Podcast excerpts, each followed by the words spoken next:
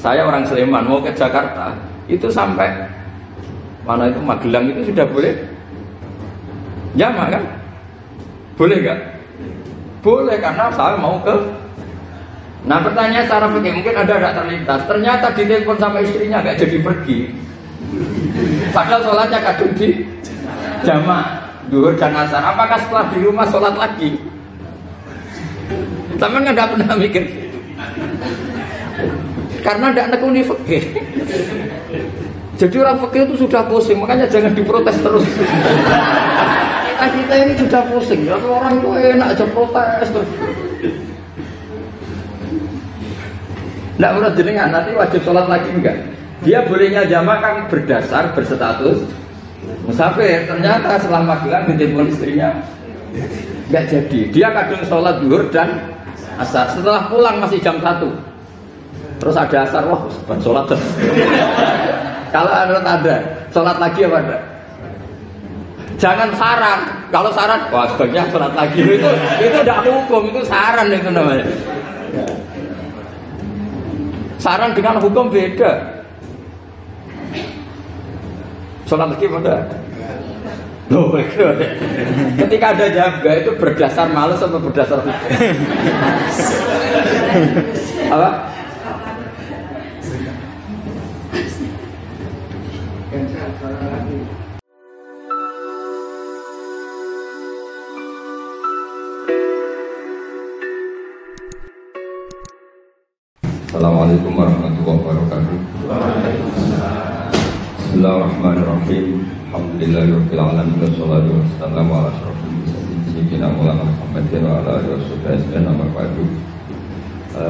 Rektor dan semua teman-teman yang saya hormati. Di sini kita akan mengkaji faslun fil musyarakah ilan nusri. Bab seharusnya ngambil sikap cepat musyawarah itu ngambil sikap cepat untuk menyelamatkan mengalirnya darahnya orang Islam. Di sini Imam Izzuddin Abi Salam mengambil ayat wajah rajulun min aqsal Madinah yas'a Qala ya Musa innal mal ya'tamiruna bikal yaqtulu kafakrus inni laka minan nasihin Beliau memberi penjelasan wakadalikal musara'atu fi amrin diniyya yuqafu fautu. Jadi begini ya, kalau dalam fikih fikih Islam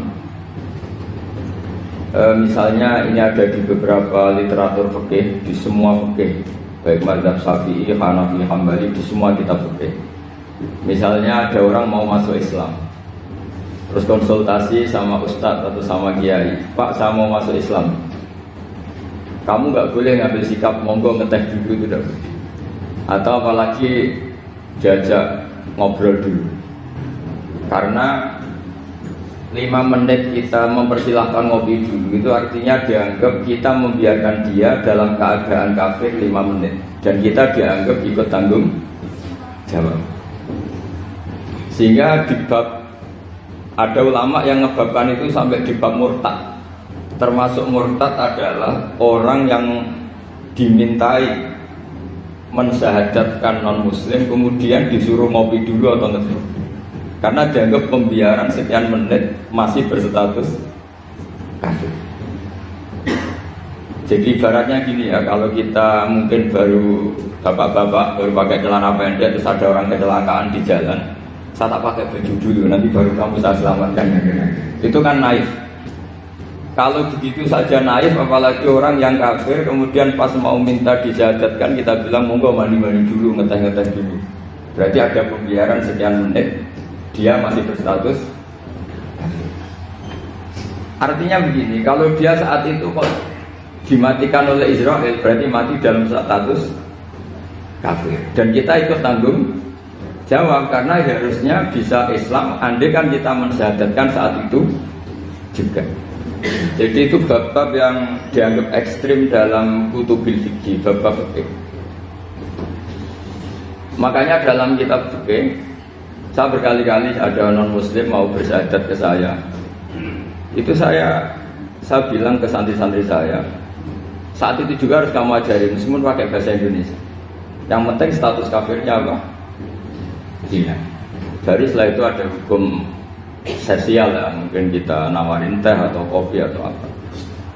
Makanya di sini dibabkan ke seseorang harus tergesa-gesa atau bercepat-cepat atau ngambil sikap bergegas untuk melakukan kebaikan. Terus ayat kedua yang dipakai Sayyidina bin Abi Salam itu begini.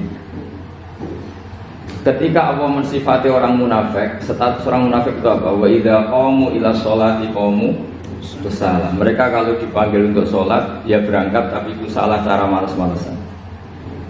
Sehingga untuk menunjukkan kita loyal sama Allah itu ya paling tidak ada sikap di atas rata-rata. Makanya ada sa'i ya lari-lari kecil, tawaf juga disunatkan ada lari-lari kecil disebut aromal, romal itu lari-lari kecil. Untuk menunjukkan bahwa kita loyal sama Allah itu tidak sak kobri cara Jawa. Nah itu dibabkan sendiri. Jadi beda antara tergesa-gesa sama ekspresi serius. Jadi musaroah itu ya kira-kira kan nggak mungkin lah kita dipanggil rektor atau kiai atau orang tua kita terus jalan leha-leha itu kan nggak mungkin. Apalagi ini yang manggil Allah Subhanahu wa taala. Makanya dibabkan faslun fil musaroah ila Nah contoh yang diambil di sini begini. Ketika ada debat terbuka antara Fir'aun dan Musa, saya ulang lagi, ada debat terbuka antara Musa dan Fir'aun. Kan Nabi Musa datang ke Fir'aun. Lalu kata Fir'aun, ini asal usul ayat ini, saya terangkan sejarahnya. Kata Fir'aun, lalu kalau kamu tidak nuhankan saya, Tuhan kamu siapa? Terus kata Musa, Rabbus sama wal ardi yang nuhani langit dan bumi. Fir'aun masih berkelit, e, kalau Tuhan di bumi setahu saya saya ke mana-mana yang dituhankan saya kata Fir'aun ma'alim tulakum min ilahi wairi terus Nabi Musa masih ngintikan ya sudah Tuhan yang nuhani langit terus Fir'aun manggil, manggil Haman Haman itu arsitekturnya Fir'aun ya Haman ubnili sorhal ali abdul asbab asbab samawati fa'atoliya ila ilahi Musa Haman bangunkan kami piramida yang tinggi saya ingin melihat Tuhannya Musa. Musa akhirnya mikir karena kalaupun Fir'aun bisa naik ke langit tetap tidak bisa melihat Tuhan. Kita tahu Tuhan nggak bisa dilihat. Kita yang mungkin aja tidak lihat apalagi Fir'aun rivalnya kan. Akhirnya Musa ganti argumentasi. Yaitu argumentasinya Musa Robbukum wa robbu abaikumul awali Ini perlu diingat dan perlu saya sampaikan yang nuhani kamu dan yang menuhani leluhur kamu itu sangat memukul Fir'aun karena logikanya kalau Fir'aun itu Tuhan berarti babanya dulu tanpa Tuhan ini ada Tuhan terlambat ya. Jadi kalau Fir'aun Tuhan berarti bahnya tanpa Tuhan karena zaman era bahnya belum ada Tuhan. Karena perdebatan itu banyak punggawa Fir'aun yang mukmin. Wah ini Fir'aun nggak bener ini. Kalau dia Tuhan berarti babahnya tambah ya. Karena kalau iman itu akan diadili, akan dieksekusi, maka orang ini berstatus rojulum mukminum min ali fir'aun yang tumu imanah. Maka di Quran diterangkan wa qala rojulum mukminum min ali fir'aun yang tumu imanah. Ada seseorang yang iman tapi menyembunyikan iman. Lah orang ini selalu ikut rapat di rapat-rapat penting Fir'aun termasuk rapat ketika Fir'aun dan para tentaranya memutuskan membunuh Musa karena dia ikut rapat dan eksekutornya besok disuruh menangkap Musa orang ini malam itu juga nemuin Musa nemuin Musa bilang innal mal ayat tabiru nabi kaliyak dulu kamu Musa rapat tadi malam memutuskan kamu besok dibunuh maka kamu harus bergegas meninggalkan Mesir nah dari kesimpulan itu, dari cerita itu kemudian diambil cara hukum fikih bahwa untuk menyelamatkan darah harus jasa, harus bergegas. Andai kan Musa itu kok sak kobre, sak sempate, maka keburu andai kan ini rojul ini tadi, orang tadi penasihat tadi, kok sak kobre ya, maka berarti Musa terlanjur tertang, tertang. Jadi itu pentingnya ulama ya. Jadi cerita yang linier, cerita yang seakan-akan cerita, di tangan ulama tetap menjadi al-ahkam al-fiqhiyah, menjadi ketentuan-ketentuan apa? Oke. Jadi yang diambil di sini adalah lelaki tadi yang ikut rapat jadi bergegas menemui Musa, memberitahu kalau kamu besok mau dieksekusi, fakrus, maka kamu harus secepatnya keluar dari Mesir untuk menyelamatkan diri. Terus oleh Sayyidudin tidak disalah dibabkan bab harus tergesa-gesa menyelamatkan darahnya orang apa? Islam. Jadi ini penting saya sampaikan. Jadi al-qasas ya semua cerita di Quran itu tidak sebagai cerita karena Quran tidak ingin melahirkan pendongeng tapi harus menjadi ibroh menjadi telah telah jadi makanya terus di kitab-kitab ulumul Quran diterangkan al-qasas ya beberapa cerita di Quran adalah semuanya menjadi ketentuan fikih. Saya ulang lagi ya semua cerita yang ada di Quran itu menjadi ketentuan fikih meskipun alurnya apa? cerita. Kayak tadi kan alurnya cerita bahwa lelaki ini bergegas nemui Musa supaya Musa cepat keluar dari Mesir. Terus dibabkan babul musaroah ilang musifid Saya teruskan. Wa kama la ra'ayna ma yaqtulu musliman law tabtu'u alaihi la qatalahu fal muwasaroah ila takrisihi min wajibatun. Idlai salunatu mahmudatan fi kulli syai'in balaha mawatin tuhmadu fiha wa mawatin tudamu fiha wa kadzalika al musaroah wal lain wal zulta wa ghairuhuma. Nas'alullah ayuwaffiqona lil amal bi taati fi mawaqi'iha wa madhaniha. Terus cara berpikir ulama saya pernah baca dalam satu sejarah ulama besar, namanya Sofyan Asauri. Sofyan Asauri itu menjadi wali itu gara-gara kalau sholat di masjid itu beliau datang sebelum azan. Saya ulang lagi, beliau datang sebelum azan. Ditanya, kenapa kalau kamu datang sebelum azan? Saya ini nggak ingin jadi hamba yang buruk. Hamba yang buruk atau pembantu yang buruk adalah setempe nunggu dipanggil. Misalnya kita tahu majikan kita pasti manggil jam 7 Kemudian jam 7 itu Anda masih ngopi, masih tata-tata itu kan tidak menghormati majikan Harusnya kamu setempe di jam yang saat itu pasti majikan Anda memang memanggil Kata beliau, saya tidak ingin seperti pembantu yang buruk Datang nunggu apa? Di mana? Jadi itu ada beberapa spirit atau inspirasi dari aturan aturan-aturan mahabbah Sebab itu ketika Allah kritik orang munafik, wa idza qamu ila sholati qamu kusala. Ketika dipanggil sholat mereka datang bermalas-malasan. Karena ada ada cintanya sama Allah, maka datang berlambat-lambat. Nah, berarti kalau ekspresi cinta mengharuskan kita datang bercepat. Makanya dalam istilah lain di Quran ini termasuk balaghatul Quran. Di juz 25 itu istilah menuju Allah itu fafirru ilallah. Kita tahu firar itu maknanya lari apa jalan biasa. Lari. Jadi untuk mengekspresikan mahabbah kita, kangen kita pada Allah. Cara bahasa Arab, isak kita, berontok kita sama Allah, tidak diistilahkan jalan tapi fafirru ilallah, harus bergegas beriak. Begitu seterusnya. Maka kalau ada orang Islam terus ini konsekuensi hukum. Ada non Muslim minta apa Pak, saya tolong ajarkan syahadat. Gak boleh saya bilang gini, monggo ke dalam dulu. Padahal perjalanan ke rumah saya misalnya setengah jam nggak boleh saat itu meskipun sambil berdiri-diri harus kita tauhidkan. Kamu yakin ya Allah itu satu Tuhan Allah harus. Karena kalau ada perjalanan ke rumah lima menit terus dia kecelakaan belum syahadat statusnya mati apa? Kafir. Dan kita ikut terlibat karena sebetulnya bisa mengislamkan saat itu juga. Analoginya kayak tadi loh. Orang kecelakaan di jalan karena kita eh, celana pendek Contoh Syria nih, saya tak pakai baju. Habis itu di truk. Itu kan kita ikut salah karena kita yang punya kesempatan. Tentu yang disalahkan yang punya kesempatan. Karena merubah status dari potensi ke truk menjadi sama sekali nggak potensi ke truk dengan kita inggirkan meskipun kita dalam keadaan tidak ideal. Sama, orang kafir yang mau masuk Islam itu umumnya kiai kan kadang sebagian disuruh mandi dulu itu salah sebetulnya.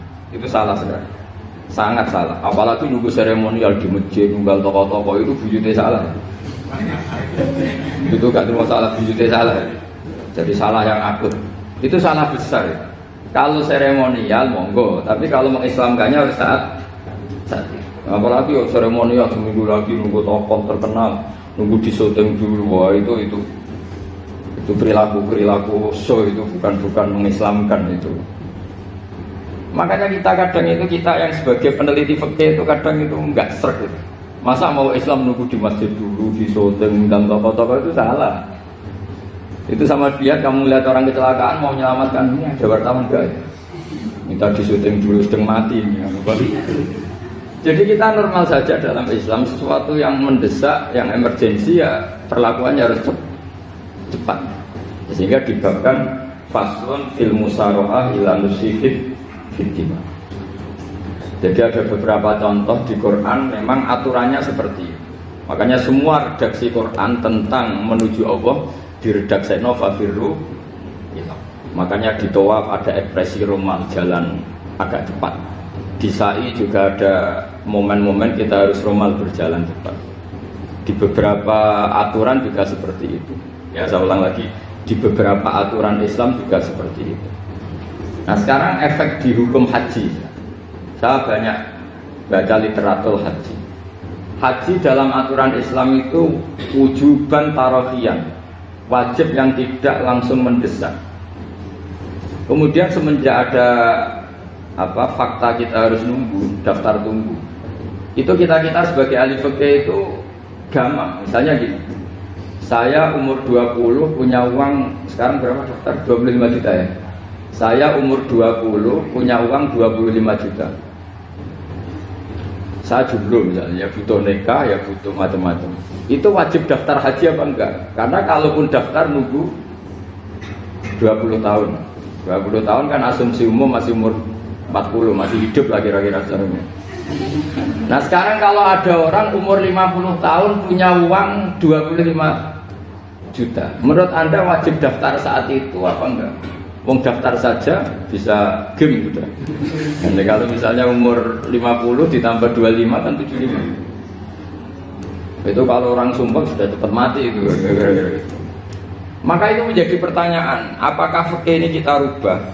Karena dulu kan orang itu longgar semua. Karena haji zaman Nabi pun tidak langsung dilakukan saat pertama diwajibkannya haji. Jadi Nabi punya sisi unik. Pertama ada tahun diwajibkannya haji, Nabi tidak langsung haji. Sebab itu lama berkesimpulan kalau wajibnya haji tidak lang tidak langsung. Maka fikih itu memang unik. Sholat juga gitu. Ada istilah begini dalam sholat. Wata jibu sholat ala kulli muslimin wujuban muasaan. Di semua kitab fikih takbirnya seperti itu redaksinya. Wajib sholat dilakukan orang Islam wujuban muasaan. Wajib yang ada longgarnya. Sehingga ketika duhur jam 12 WIB kita dengar azan boleh sholat setengah satu, jam satu, setengah dua, jam dua. Karena memang wujuban muasaan, memang ada batas akhir waktu misalnya sampai setengah tiga. Nah problemnya begini, misalnya setengah satu Anda pasti dipanggil majikan kamu yang diharuskan melakukan satu aktivitas, misalnya Anda pilot, yang nggak mungkin sholat lagi di di kokpit. Apakah status wujuban muasaan wajib yang lugar menjadi hilang karena setelah itu tidak ada kesempatan lagi? Sholat? apa tetap kita sebagai ahli Islam yang agak balelo tapi alim? Misalnya ya sudah tetap jadi pilot. Nanti kan ada aturannya sendiri ada rukhsahnya sendiri ada kemurahan sendiri kita sudah jadi pilot. Misalnya sholat tanpa harus menghadap kiblat sholat yang tetap di perjalanan. Kira-kira anda kalau jadi ahli fikih milih mana? Milih harus sholat di depan apa tetap memberi kelonggaran Gak apa-apa sholat sambil apa nyuper sambil pilotin apa pesawat anda pilih mana karena karena kalau konstitusi ilmu itu memang harus ada dengan tanda kutip ya, memang harus ada nakalnya. Kalau nggak nakal malah gak sah. Memang unik ilmu itu. Karena ilmu itu kalau dipaksakan lurus terus, itu nanti malah bengkok karena menghilangkan rukhsahnya Allah, kemurahan Allah. Tapi kalau dipaksakan rukhsah terus, murah terus, nanti dianggap menyepelekan hukumnya. Maka kita yang ahli fikih itu pusing. Misalnya saya sering ditanya, Gus saya ini supir bis, kan musafir terus. Berarti saya boleh tidak puasa terus panjang Ramadan? Coba kalau ada jadi ahli fikih mesti bingung. Mau boleh? Ya boleh terus supaya orang nggak peduli sama Ramadan. Mau mengatakan wajib puasa kayak nggak peduli dengan kemurahan Allah yang membolehkan musafir tidak puasa coba anda jangan jadi ekstremis yang misalnya bantah kok protes ini kan jadi memang mengkaji ilmu itu Ya makanya dengan tanda kutip itu harus ada nakal. Tapi nakal yang baik bukan nakal Nakal itu kalau bahasa Jawa itu kan tidak harus dosa. Seperti anak kecil, menek-menek itu, tuh bocah kok nakal. Padahal anak kecil menek itu haram dah.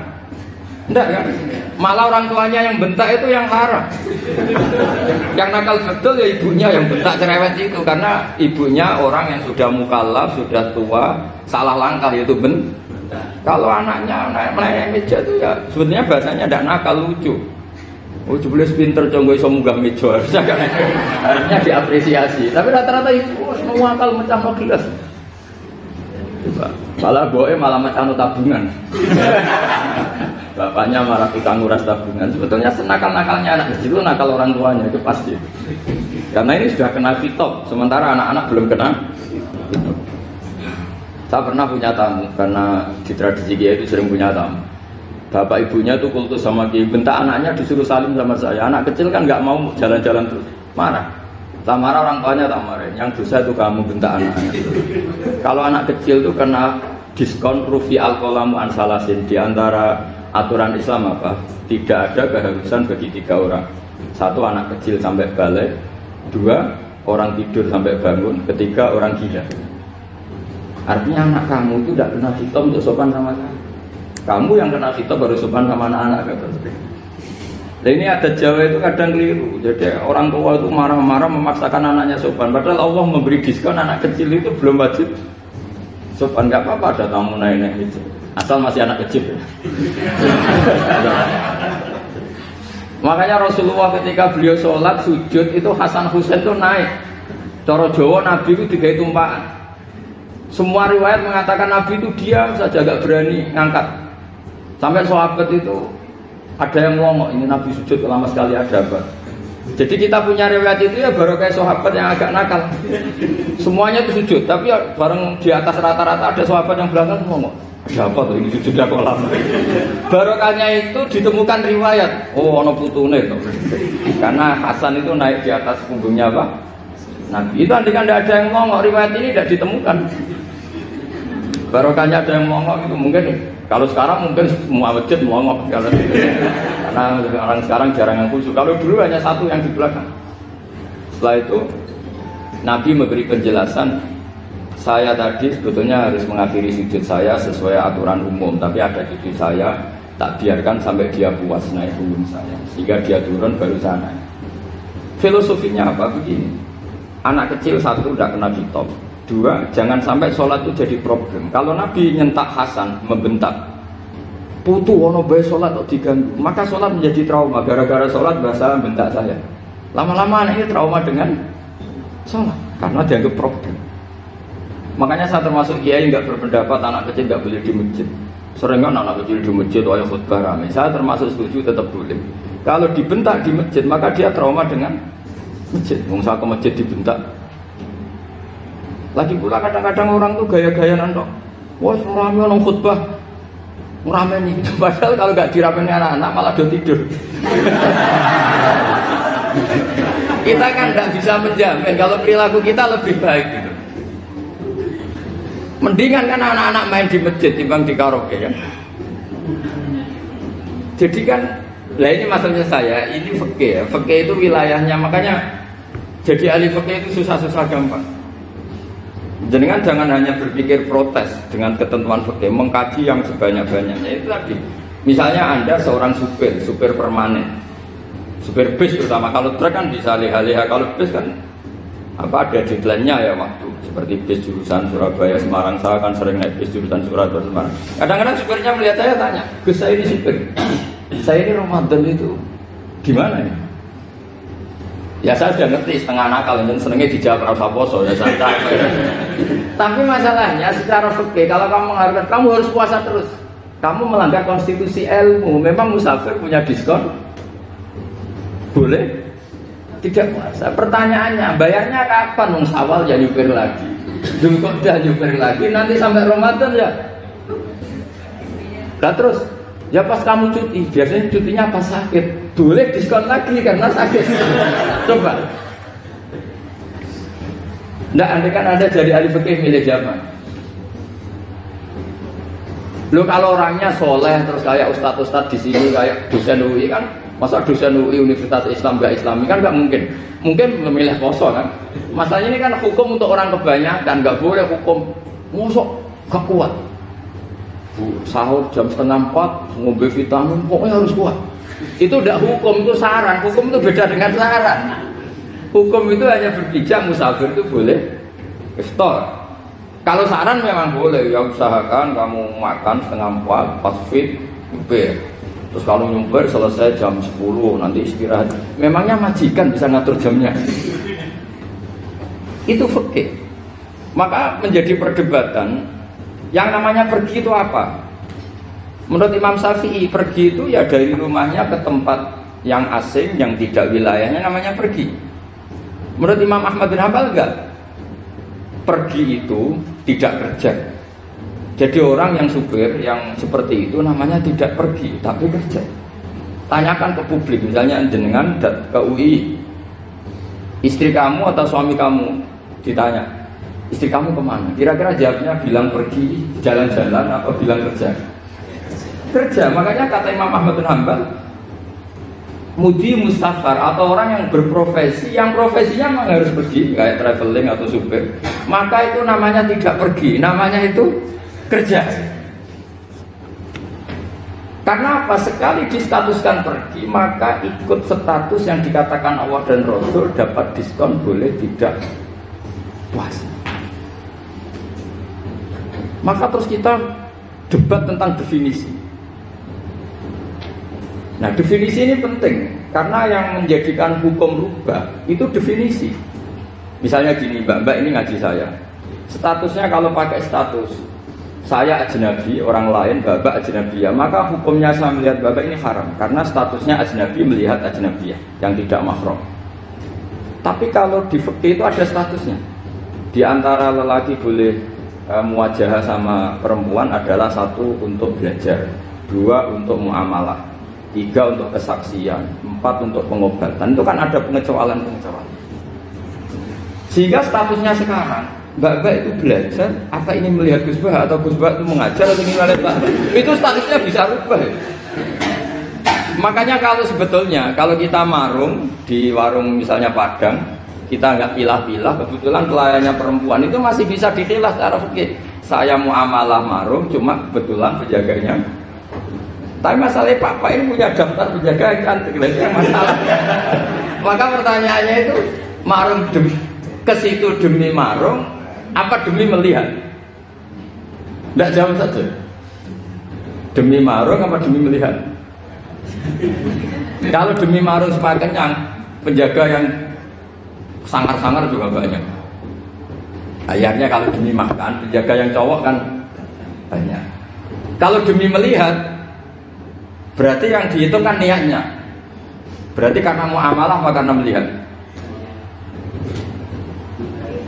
Melihat. Itu status. Jadi makanya kalau mudi musafar itu namanya orang pergi atau orang kerja? Orang kerja. Maka menurut pikirannya Imam Ahmad bin Hambal seperti itu harus puasa. Karena dia adalah pekerja, bukan musafir. Lalu dalam masalah jumlah tiga hari, kalau dalam fikih kita, nggak saya kenapa ngomong fikih terus ya, karena banyak yang melupakan fikih. Jenengan pergi haji, zaman Nabi haji itu jamak dan kosor terus. Padahal hajinya Nabi itu, haji itu minimal kan berapa hari minimal itu? 9, 10, 11, 12. Sebenarnya haji itu minimal hanya 4 hari. Karena 13 Dzulhijjah bisa nafar apa? awal kalau nafar awal berarti nggak ada kewajiban nafar sani berarti yang wajib betul kan 9 tanggal 9 hukum di Arafah terus 10 biasanya ibadah sama balang jumroh apa akobah terus 11 12 12 itu kan sudah boleh cabut. Karena apa? Nafar apa? Awal. Berarti nggak usah nafar apa? Sani. Berarti hanya berapa? 4 tapi Nabi haji di Mekah Medina itu sampai 40 hari karena perjalanan. Pertanyaannya ketika Nabi menjamak dan mengkosor itu cara Imam Syafi'i lis safar. Karena Nabi orang Medina datang ke Mekah dengan jarak 460 kilo, maka Nabi boleh jamak dan kosor. Jadi pikiran Imam Syafi'i jamaknya Nabi itu lis safar karena pergi. Cara pikiran Imam Malik gak jawabnya Nabi itu linusuk. Nabi menjamak sholat itu karena melakukan ibadah haji. Efeknya adalah orang Mekah kalau haji itu cara Imam Malik meskipun jaraknya dekat boleh apa? Boleh apa? Kosor, boleh jamak kosor. Lalu terus ada pertanyaan fakir lagi. Lalu jamak kosor itu karena pergi apa karena masakoh? Karena repot. Coba kalau sampean kira-kira jawab. Misalnya kita orang kaya bawa uang satu miliar naiknya Alphard, ada supirnya, ada ajudannya, pergi di jarak 100 kilo. Masakannya kan tidak ada sama sekali, apalagi di tol kebetulan nggak macet. Kira-kira boleh jamak nggak? Boleh bisa karena pergi, tapi kan nggak ada repotnya sama sekali. Dibanding misalnya yang ngebis bawa beras satu pintal gitu kan, udah gitu suruhan orang lagi kan pusing. Maka maka fikih ini untuk memberi hukum itu kalau fikih itu menstatuskan. Ini orang boleh jamak itu karena masakoh apa karena safar. Lalu kalau setelah karena safar itu karena jaraknya apa tingkat masakotnya. Kalau karena jaraknya ya tidak juga. Tidak juga gini maksudnya. Mungkin Anda tidak pernah terpikir begini. Kalau saya mau ke Jakarta, kemudian sampai Purworejo itu sudah waktu zuhur. Saya boleh nggak tidur di situ sama saya? Boleh kan? Padahal perjalanan saya belum capek. Artinya nunggu boleh jamak itu setelah kita menempuh jarak itu apa menuju, sedang menuju dan niat. Sedang menuju dan niat. Misalnya saya mau ke Jakarta, saya orang saya orang Sleman mau ke Jakarta, itu sampai mana itu Magelang itu sudah boleh jamak kan? Boleh nggak? Boleh karena saya mau ke Nah pertanyaan secara fikih mungkin ada agak terlintas. Ternyata di telepon sama istrinya nggak jadi pergi. Padahal sholatnya kadung di jamaah duhur dan asar. Apakah setelah di rumah sholat lagi? Tapi nggak pernah mikir. Karena tidak nekuni fikih. Jadi orang fikih itu sudah pusing, makanya jangan diprotes terus kita kita ini sudah pusing tapi orang itu enak aja protes terus Tidak menurut jenengan nanti wajib sholat lagi enggak? Dia bolehnya jamaah kan berdasar berstatus musafir. Ternyata setelah magelang pun istrinya enggak jadi. Dia kadang sholat duhur dan asar. Setelah pulang masih jam satu. Terus ada asar, wah bukan sholat. Kalau menurut ada, sholat lagi apa enggak? Jangan saran. Kalau saran, wah sebaiknya sholat lagi itu itu tidak hukum, itu saran itu namanya. Saran dengan hukum beda. Sholat lagi pada. Loh, ketika ada jaga itu berdasar males atau berdasar hukum? Apa?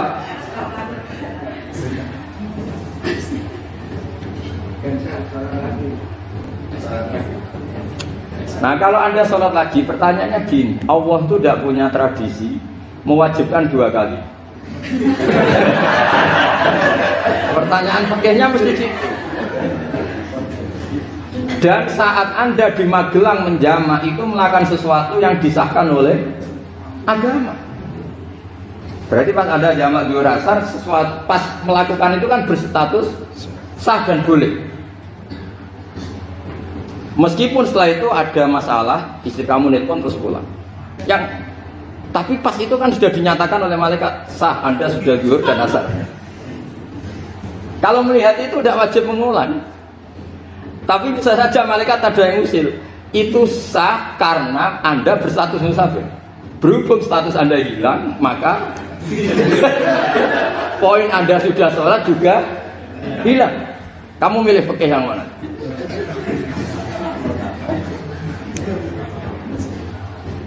Jadi peneliti fikih itu beda dengan orang-orang yang mendengarin protes, mendengarin protes. Beda karena nekuni. Nekuni itu beda karena ada konsekuensinya. Makanya fikih itu sampai saya punya kitab fikih itu dikarang satu orang itu jumlahnya 20 jilid. Per jilid itu segini. Jadi satu meja ini dikarang satu orang. Itu mulai yang presisi, yang detail, sampai yang khayal. Yang khayal juga ada Yang khayal itu tadi beliau banyak mengkhayalkan gini, suatu saat Anda Anda datang ke Mekah itu hanya butuh waktu 20 menit. Zaman itu belum ada pesawat. Lalu boleh gak zaman, boleh gak nakal. Nakal itu begini. Sama orang kaya punya jet pribadi, misalnya Anda Ronaldo masuk Islam, orang kaya. Itu bisa gak puasa. Karena begini. E, misalnya dia orang contohnya orang Arab ya. Orang Arab Jangan orang. Gak contohnya itu dibalik saja. Di sini itu kalau imsak jam berapa? Imsak, imsak, imsak Ramadan jam berapa? Digai setengah empat aja biar aman ya. Kalau setengah empat kan masih imsak. Dia terbang ke Mekah. Jadi orang sini puasa jam 5 kan mulai puasa. Dia terbang ke Mekah kan masih malam. Makan terus dia. Mekah mau ada matahari terbang lagi ke barat. Karena dia menghindari berstatus puasa. Atau sebaliknya dia orang Mekah jam 12 puasa. 12 yang puasa. Dia wah kalau 6 jam lagi buka bisa berapa saya. Terbang ke Indonesia. Ke Indonesia terbang baru satu jam di sini sudah buka itu khayal jadi itu ada khayalnya itu lama dulu sebelum ada pesawat sedang mengkhayal gitu. Bolehkah orang yang di Masrik ke Maghrib demi itu? Kalau anda jadi Raja Salman jam jam satu kok sudah nggak kuat apa? Puasa itu diberi saran terbang ke Indonesia. Indonesia. Itu kalau pakai jet kan nggak sampai 9 jam, satu jam ke Jakarta. Sudah ada wow akbar, wow akbar. Bukan. Boleh enggak? Lo mau kamu tidak bilang, oh nggak boleh. Lo di Jakarta sudah huru bisa sih. Masa sudah matahari terbenam orangnya nggak boleh? Buka. Leja. Apa? Kalau resikonya gini, Sampai mungkin nggak mikir, resikonya gini, kalau dia berstatus musafir, bolehnya buka karena musafir, pertanyaannya dia wajib bayar. Kan musafir bolehnya kodok nanti harus bayar. Tapi kalau dia buka normal kan tidak harus bayar. Beda efek pakainya beda.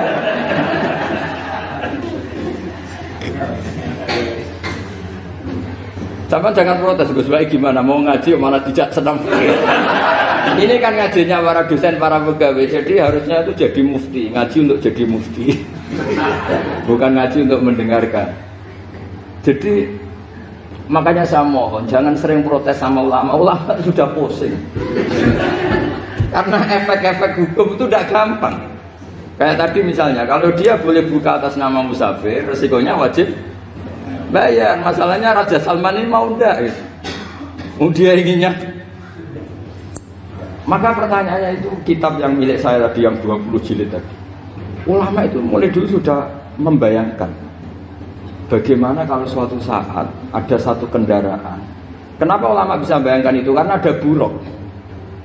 Meskipun mereka nggak numpak buruk hanya Rasulullah, tapi kan bisa bayangkan ada toyul waktu. Waktu itu bisa dilipat. Karena ulama dulu ahli astronomi, jadi bumi itu bulatnya gini, muternya gini. Berarti suatu saat ada satu ilmu di mana orang ambil satu posisi terus melewati toyul waktu, ngalami apa lintasan apa waktu. Mulai dulu itu sudah dibicarakan. Pertanyaannya lalu status orang ini kayak Misalnya tadi Misalnya tadi Orang Mekah ingin cepat buka Terbang ke Indonesia Orang Indonesia menghindari emsak Misalnya setengah empat Dia belum sahur Wah kalau saya di Indonesia ini Ini sifatnya sahur saya tak terbang ke Mekah Wah enak kan terbang di Mekah ternyata masih jam 8 Wah bisa makan sepuasnya jam 8 malam maksudnya jam 20 Kan enak dia. Bar warek balik ning Indonesia wis jam siji siang. Jam siji siang kalau ingin cepat buka terbang ke timur. Langsung buka. Berarti dia kira-kira masa aja tiket jam. Tapi terus Ya mungkin kalau sampean, tahu pogo sudah repot-repot mau tinggal dulu, lo sinetron untuk buka dewi. itu tidak hukum saran, itu namanya apa? Kalau hukum tetap tadi yang dikatakan puasa adalah imsak mulai jam imsak sampai hurubus Lalu pertanyaannya lagi, hurubus samsi sampai imsak itu konversi jam apa nyata-nyata hurubus samsi? Kalau di yang diliwati khotul istiwa, khotul istiwa itu nyata, fi'lan. Kalau dalam bahasa Arab fi'lan awakiyah. Tapi kalau anda orang kutub, saya sering uh, kirim-kiriman surat sama mufti-mufti yang ada di Timur Tengah, di Eropa, konsultasi maksudnya. Orang kutub itu kan tidak ada matahari, tidak ada apa-apa. Jika kalau anda baca kitab di kutub, mesti Gus ada yang pembohong. Misalnya orang kutub ngaji saya, kamu harus subuh sebelum matahari terbit. Sekali matahari terbit waktunya hilang. Ma duhur setelah matahari agak ke barat. Asar kalau matahari terbenam hilang waktunya. Terus mesti mereka mesti bilang mataharinya di mana? Maka pertanyaannya, boleh gak mengkonversi waktu untuk orang kutub? Jadi misalnya pola umum subuh jam setengah lima, berarti antara subuh dan kodok itu satu jam setengah. Subuh sama duhur polanya berapa berarti? Kalau setengah lima sampai jam 12 itu enam sama tujuh setengah. Berarti ya kira-kira habis subuh nunggu tujuh jam setengah baru duhur. Nunggu tiga jam baru asar. Nunggu tiga jam baru maghrib. Berarti waktu puasa kira-kira antara jam 4 sampai jam 6. Berarti berapa jam itu? 12 sama 2 14 Oke, berarti orang kutub harus puasa 14 jam. Tidak bergantung waktu mata. Tapi ada lagi pertanyaan lucunya gini. Lalu 14 jam Gus itu dimulai dari mana? Apa asal 14 jam? Apa harus ada konsensus setarnya? Masih ada PR lagi. Menurut kamu gimana? Ada konsensus setarnya dimulai jam 4 dini hari. Apa asal jumlahnya? Imsak 14 Mikir lagi kan? Itu di Denmark itu ada satu musim di mana siang terus sampai sekian bulan. Siang terus sampai orang sana itu capek.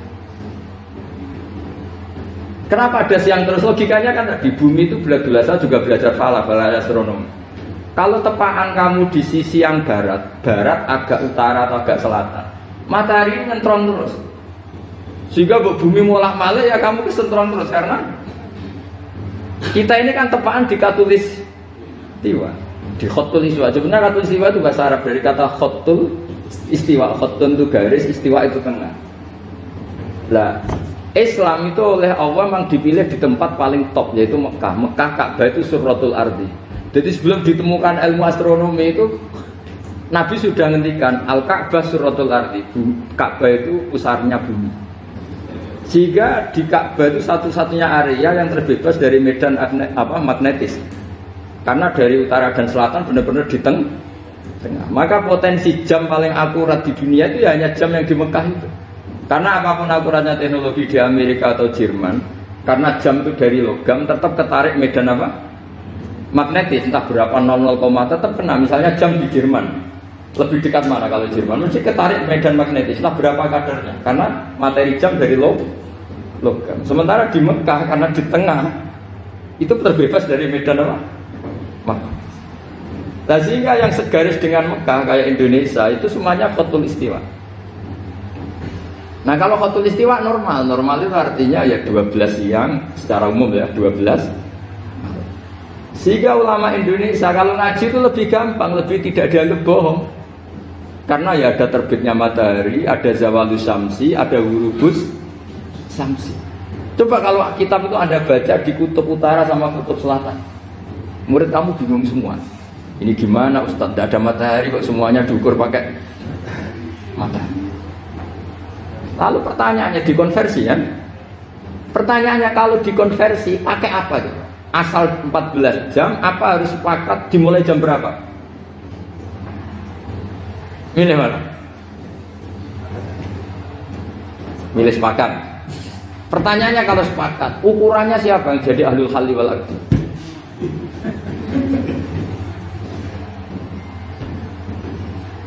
Jadi orang fikih itu sudah bingung, makanya saya mohon jangan sering diprotes. Saya pernah ketemu ulama, saya akan sering ikut komunitas di New York itu andekan dibur itu pas persis Ka'bah. Jadi buminya itu kalau dibur itu pas persis Ka'bah. Lalu pertanyaannya, ada kiblat tidak di sana? Ya bumi kan gini ya. Kalau dalam bahasa falak itu ada rubuk namanya. Rubuk itu bumi yang sewaktu itu hanya yang seperempat. Ya bumi yang sewaktu itu hanya seperempat. Jadi kita sekarang siang, berarti yang baru siang hanya seperempat bumi. Nanti yang malam ya hanya seperempat bumi. Ya ya, misalnya sekarang kita di sini siang, di Arab Saudi kan belum, ini masih setengah enam. Ini sekarang di Arab Saudi baru setengah. Lah itu ada daerah di mana dengan Ka'bah itu pas, pas atas sama bawah. Harusnya kan bebas arah. Apa? Bebas arah. Lalu orang sana sholatnya itu menghadap ke mana? Pernah ulama Yusuf itu minta fatwa ke Robidatul Alam al-Islami. Lalu kita harus menghadap ke mana? Makanya dalam dunia anekdot ulama itu ada anekdot Abu Nawas itu orang yang nggak pernah kalah debat. Dia tuh terkenal nggak pernah kalah debat. Tapi dia ada ilmuwan. Dia punya tetangga ilmuwan, punya pengaruh besar. Semua orang ngaji ke ilmuwan itu. Mangkalnya bukan main, karena dia ahli falak, ahli astronomi. Mau nandingi dia ada bisa, gak nandingi itu reputasinya jatuh.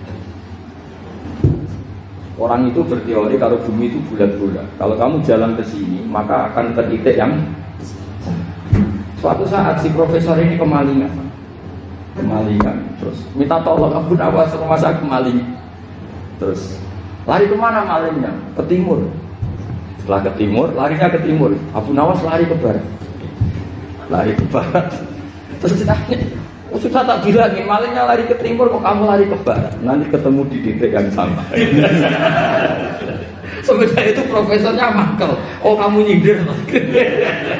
Artinya Bu Namas gak terima. Teori Anda itu gak, gak bisa. Secara keilmuan benar. Tapi secara faktual gak boleh. Berarti kalau ada orang ngejar istrinya lari ke timur, dia harus tetap ke barat. Nanti ketemu di titik yang sama.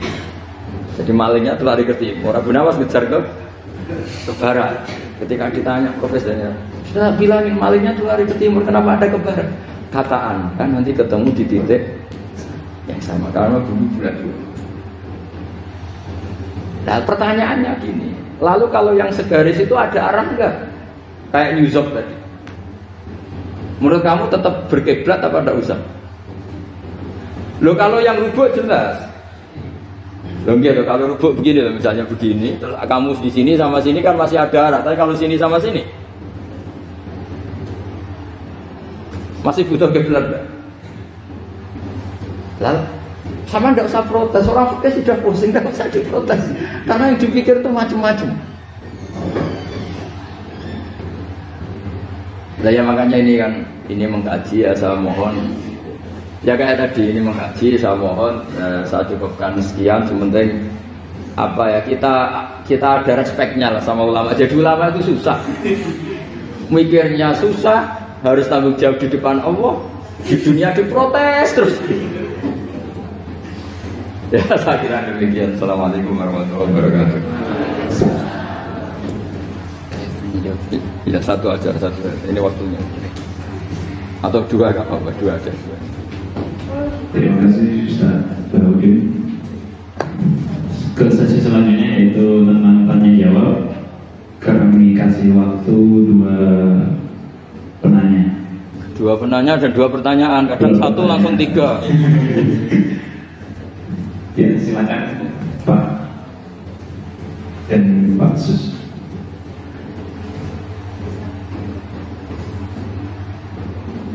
Pak siapa? Lagi Pak Sik. Assalamualaikum warahmatullahi wabarakatuh. Uh, pertanyaan saya jika Gus, yeah. karena kami ini bergerak di bidang akademik, kami itu banyak ter uh, tergoda oleh kesombongan akademik. Nah ini gimana Gus? Karena bagaimanapun juga kita itu harus menjual apa yang sudah kita dapatkan walaupun kalau di dunia kiai ulama itu kan yang di yang disampaikan itu sesuatu uh, yang bersifat keagamaan. Tapi kalau di, di bidang kami di sini ilmu umum itu kan sesuatu yang uh, baru kami ketemukan, sesuatu yang kami jual karena dalam tanda petik ya. Karena kami menemukan oh ini yang membedakan dengan yang lain-lain. Tapi kalau ini seperti uh, dalam salah satu kajian yang juga ada orang yang sangat tawadu me, me, uh, apa selalu memukul itu kapan orang lain tahu temuan kita? Kan begitu. Jadi gimana nih terus enaknya kita itu. Kalau kita sampaikan kalau kita sampaikan bisa-bisa kita itu jadi ria terbawa ria tapi kalau tidak bagaimana orang lain tahu dan nanti salah-salah nanti itu bisa jadi sombong Assalamualaikum warahmatullahi wabarakatuh. Nama saya Sudiarto.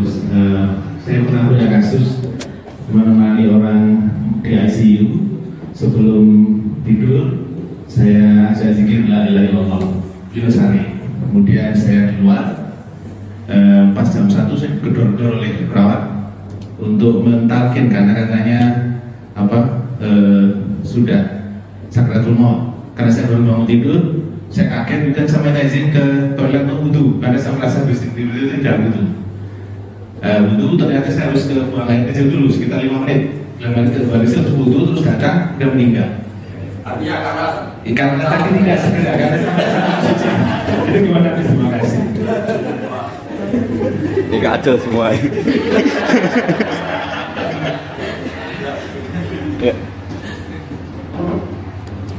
Terima kasih. Terima kasih atas pertanyaannya. Yang pertama tadi tentang kesombongan akademik, jadi seperti apa? Yang kedua tentang kasus di rumah sakit, ya seperti yang gara-gara ke kamar mandi tadi, iya, yang mental. Silakan. Uh, begini ya, jadi ini langsung saya jawab pakai referensi, pakai teks.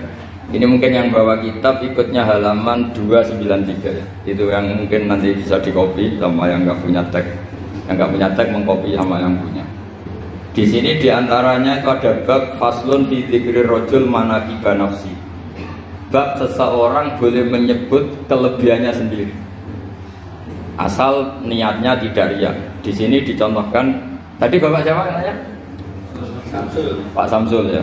Di sini diceritakan ketika mau masa paceklik, saya ulang lagi masa paceklik, itu Nabi Yusuf karena merasa amanah dan merasa punya kemampuan mengelola ketahanan pangan, beliau bilang ke rajanya, Qala ja'alni ala khazainil ardi inni hafizun alim raja jadikan kami pengatur ketahanan pangan karena ini hafizun alim saya ahlinya dan saya terpercaya hanya Nabi Yusuf seorang nabi tentu panutan beliau menonjolkan kemampuannya itu boleh asal untuk kemaslahatan. Misalnya ada orang Islam sakit atau kiai sakit, dengan dokter bilang saja saya dokter biasa yang nangani. Itu boleh karena motivasi Anda dalam menyelamatkan Pak Kiai tadi atau orang yang sakit, bukan motivasi Anda adalah hadun nafsi, misalnya kalau dalam bahasa keinginan apa? pribadi. Jadi itu boleh. Jadi ini di ini di beberapa contohkan ya ayuhanna su'alimna mantiqat thairi wa utina min Nabi Sulaiman bilang gini, wahai para manusia, saya ini bisa bahasa burung apa saja dan saya bisa melakukan apa saja. Wa utina min kulli Nabi Sulaiman ngendikan begitu karena ingin menunjukkan betapa sayangnya Allah ke saya sampai saking sayangnya Allah saya bisa menguasai bahasa burung, bahasa binatang. Jadi motivasi seorang nabi itu ingin menunjukkan betapa kudronya Allah tidak terbatas. Lah buktinya apa ya? Buktinya Sulaiman sama tak cerita Nabi Sulaiman itu kalau ke masjid itu mesti jagungan sama orang miskin. Terus beliau bilang gini, miskin dan yujali itu miskin. Ayo podo ini jagungan. karena beliau dengan kenabiannya meskipun kaya raya itu tidak merasa punya sama sekali karena semuanya milik Allah Subhanahu dan beliau buktikan, beliau kaya raya itu untuk bangun Baitul Maqdis yang semoga itu, itu semuanya pakai asetnya Nabi Sulaiman.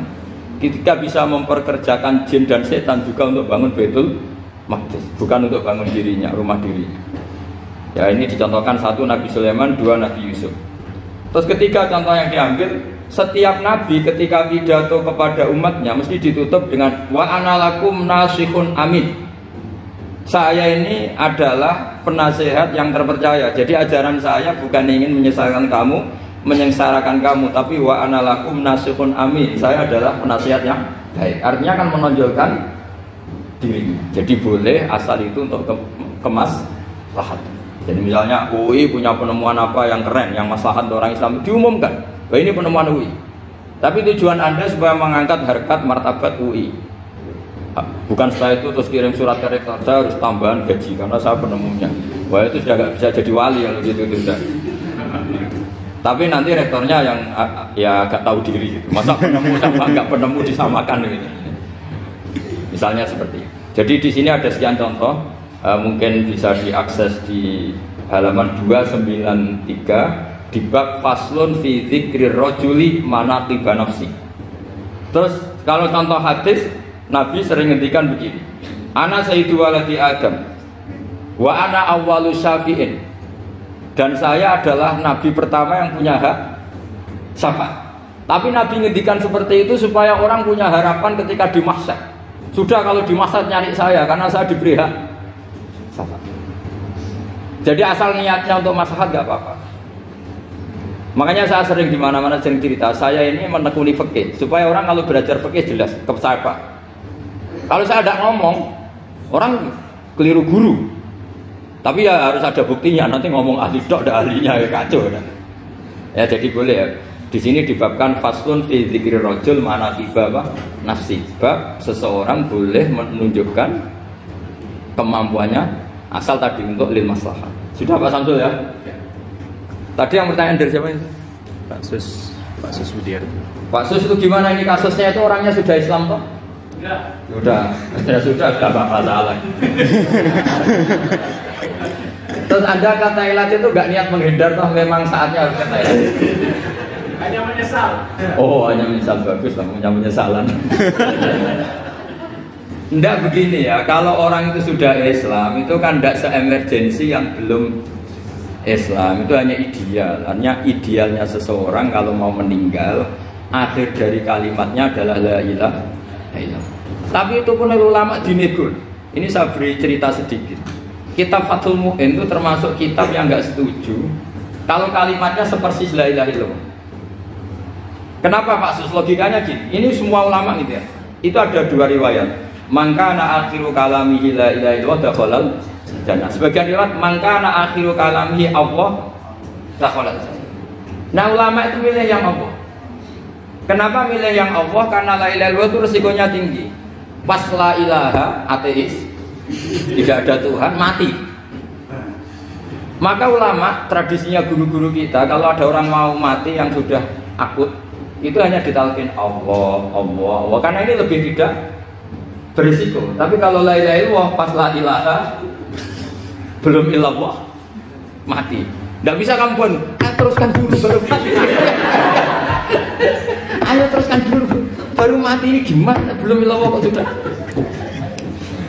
Jadi makanya